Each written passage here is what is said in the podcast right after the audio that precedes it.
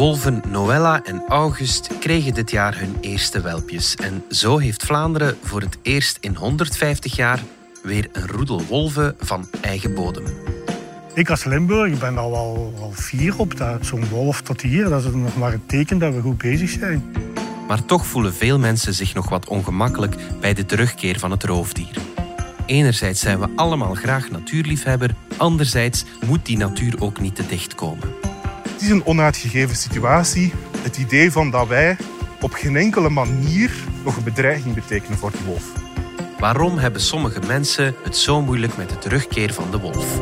Het is vrijdag 18 december. Ik ben Alexander Lippenveld.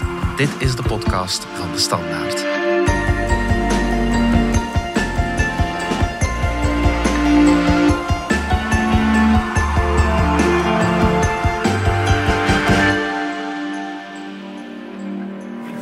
Zo, voilà.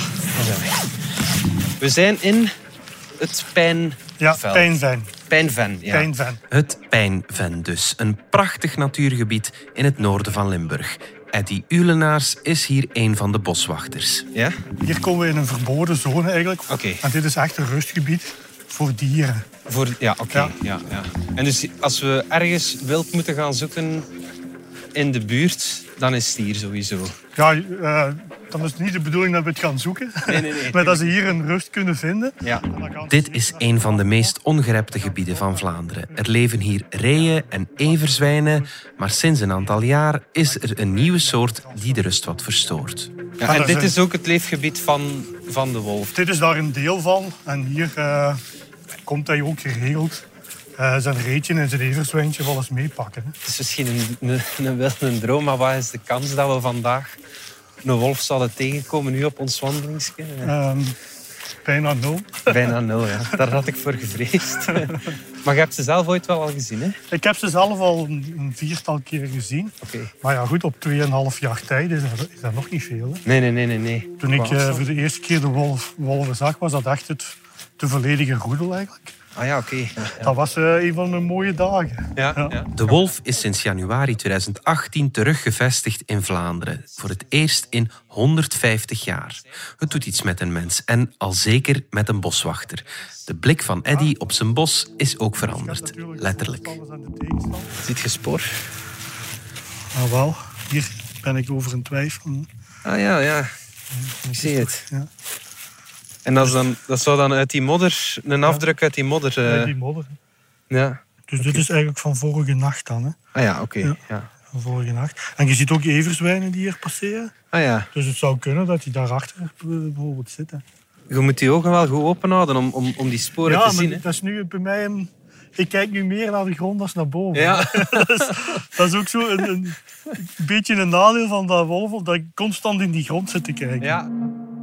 Eddy Ulenaars is enthousiast dat de wolf zich terug in Vlaanderen heeft gevestigd. Maar lang niet iedereen staat te springen voor de terugkeer van het roofdier. Ja, hier de mensen leven er ertussen. Ja. En als je er niet tussen leeft, dan is het ook makkelijker voor dat te beoordelen van ah, dat, is toch, hè, dat is toch welkom en noem maar op. Ja, ja, ja, ja. Maar als je daar echt mee geconfronteerd wordt met, hè, als je die dieren hebt en zo, is dat nog een ander verhaal. Dan heb je het vooral over, over schapenboeren. En, eh, en... Ja, ja, ja. Waar ik geweest ben, is meestal ja, schapen, geit. Wat heb ik nog gedaan? Die alpaca's een keer. Hoe reageren de mensen dan? Want ik denk dat zij u zien als een van de beschermers van de wolf. Ja, dat is, En een medestander van de wolf. dat is het juist, hè, wat, Ja. ik, wat ik gedaan. Ik krijg wel eens de wind van voor. Niet alleen voor de boswachter is de situatie moeilijk, ook voor de wolf zelf is dat zo. Dit jaar stierven twee welpen uit de roedel van August en Noella in het verkeer. En in 2019 werd Naya meer dan waarschijnlijk gedood. Ja, dat is natuurlijk een tragisch, eh, een tragisch verhaal geweest van, van Naya. Dat dat dan zo, zo is moeten aflopen. Eh, ik veronderstel dat dat er op zo'n moment dat er heel wat door je hoofd gaat. Ja, van, gaat er heel wat over je hoofd. ja, ja. Dat, dat, is, dat is een begin van, wauw, we gaan hier het echt, wel de eerste roedel hebben. ja. Ehm, hè, de eerste keer met jongen. En dat, je ziet dat, hè, we weten, met dat cameranetwerk kunnen we dat volgen. En je ziet dat oké, het ziet er goed uit. Hè? Ze wordt, er worden prooien gebracht naar, uh, naar Naya, want die is aan het zogen, die kan niet meer op jacht. Nee, ja, ja. En dan op een keer zie je dat ja, veranderen. Hè? Dat, dat aan het gedrag van August ja, ja, zag je eigenlijk dat... Uh... Dat helemaal. En dan zag je op een keer August gewoon ergens rustig rondlopen. Ja, die was niet meer met jacht bezig of die was niet meer met... Ja. En dan, ja, dan wordt het afwachten. En, en, en, dan moet je toch geduld hebben, want het kan ook dit zijn of het kan zus zijn. Het is niet dat je daar van de ene dag op de andere conclusies uit kunt trekken. Samenleven met een natuur die een potentiële bedreiging heeft, of die op grote schaal bepaalde processen kan in, gang zetten in dat landschap, ja. dat zijn we niet gewend. Dit is Glenn de Liège, milieufilosoof. Met hem ga ik wandelen in Bonheide bij Mechelen. We gaan hier even er links uh, inspringen. Dan gaan we zo door het bos. Gaan maar ah ja, oké. Ah, sorry. Ik dacht, ik, dacht, ik dacht even dat ik je hoorde zeggen, ik zie daar een links. maar dan dacht ik, dat, dacht, dat kan niet, denk ik. Nee, hier niet. Nee, nee, nee. Hier leven geen wolven, maar iets verderop in de Zuiderkempen waren er wel al een aantal gevallen waarbij een wolf vee had aangevallen. En dan voor mij persoonlijk was nog de grootste opwinding toen als hier een beetje uh, verder in Duffel... Ja, ja, ja. In, en in Berlaar uh, een koe hebben... Uh, ja, ja, ja, Dan dacht ik van ja, dat zijn plaatsen waar ik heel regelmatig kom. Ja, ja, ja. En zo het idee dat je het landschap deelt met zoiets als een wolf, dat, is wel, ja, dat geeft een zeker spanning in die het samenleven met wolven is dan ook iets nieuws in Vlaanderen. En dat heeft ook voor een milieufilosoof een impact. Nadenken over wat het bijvoorbeeld betekent om samen te leven met grote roofdieren in een landschap en zo. Ja. Binnen de milieufilosofie als academische discipline is daar al wel veel aandacht aan besteed. Ja, ja, ja. Maar het feit dat die in Vlaanderen verschijnt is natuurlijk wel iets nieuws. Het idee van de komst van de wolf was al wel een aantal jaar, laten we zeggen, voorspeld. Ja. Maar dat het zo snel zou gaan en vooral dat hij zich ook onmiddellijk in Vlaanderen zou vestigen, dat heeft mij verrast en ik denk heel veel mensen verrast. Ja. De komst van de wolf stelt ons voor bepaalde uitdagingen die we eerder niet kenden. Voor het eerst in onze geschiedenis proberen mens en wolf harmonieus samen te leven, zonder dat we het roofdier proberen te verjagen. En dan is de vraag hoe die relatie zich verder zal ontwikkelen. Het is een onuitgegeven situatie.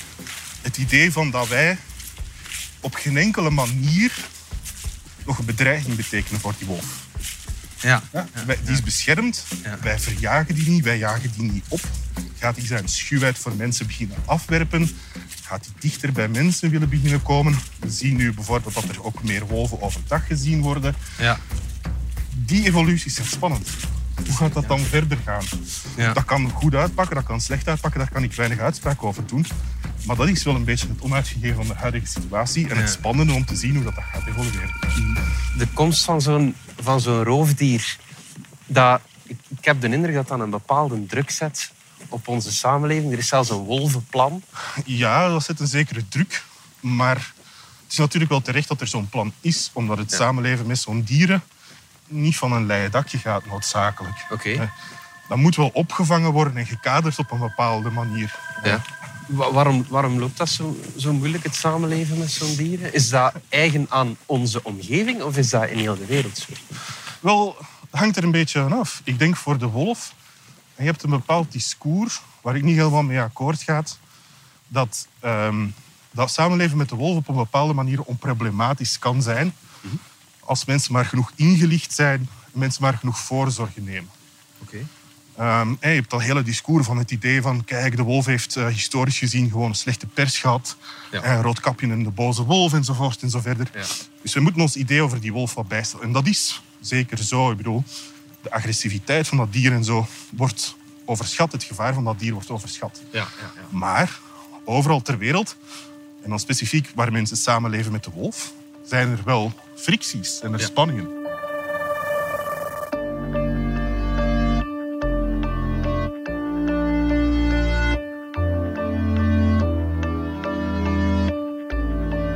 We zijn terug na de reclame.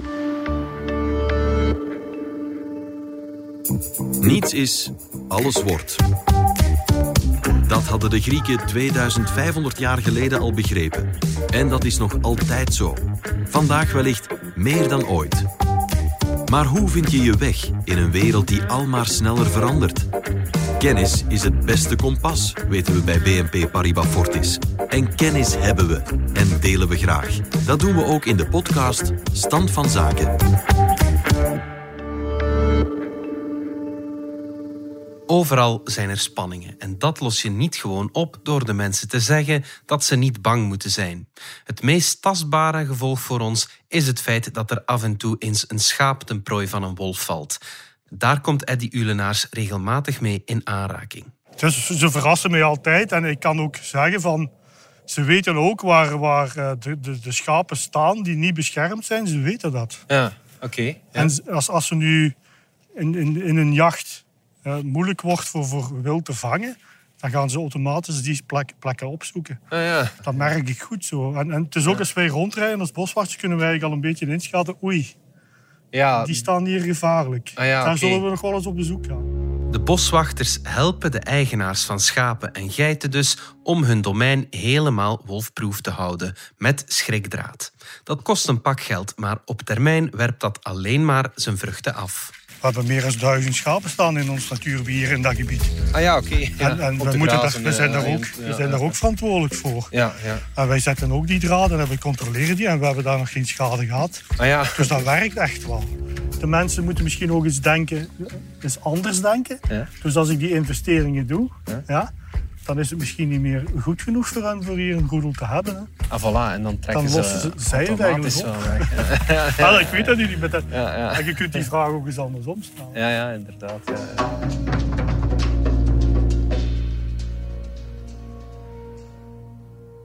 Mensen moeten dus niet enkel ingelicht worden over wat de wolf doet en laat, maar ze moeten ook geholpen worden om beter te kunnen omgaan met de komst van het roofdier. Als wij ons aanpassen, zal de wolf zich ook aanpassen, want het gedrag van een wolf staat, net als dat van een mens, niet in steen gebeiteld, volgens Glendeliege. Ik denk dat het terecht is dat wij ons in zekere zin meer nederig opstellen. En dus zeggen van kijk, die landschappen hier zijn niet alleen voor ons, die zijn ook voor dat soort van dieren. Dat zeker. Maar het zal wel een leerproces zijn. En een leerproces aan beide kanten. Ja. Dus zowel aan de kant van de mens als aan de kant van de dieren. Ja, ja, ja, ja. En dat zal voortdurend dynamisch omgaan met, die, met allerlei probleemsituaties die zich voordoen. Dus zo'n idee van dat die een eeuwige natuur hebben. ja, ja. Maar dat klopt natuurlijk niet. Nee, dat nee. zijn subjecten die een bepaalde ervaring van de omgeving hebben, die leerprocessen doorgaan en die zich kunnen aanpassen aan veranderende omstandigheden.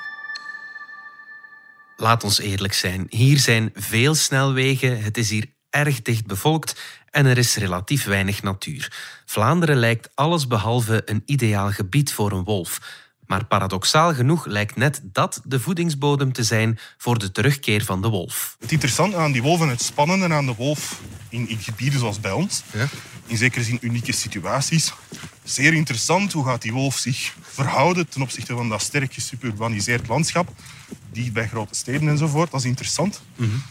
Maar ook die dynamiek van ja, er is een grote stedelijke bevolking.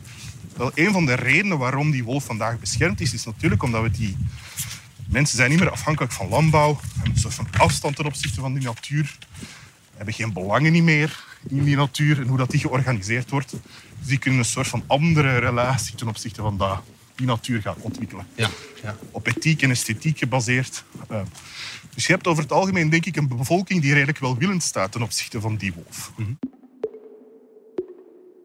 Ik als Limburg ben daar wel, wel, wel fier op. Dat, dat zo'n wolf tot hier, dat is nog maar een teken dat we goed bezig zijn ja. eh, in die natuur. En dat, dat er veel wild zit. Ja. Eh, er zit ook echt heel veel wild. ja.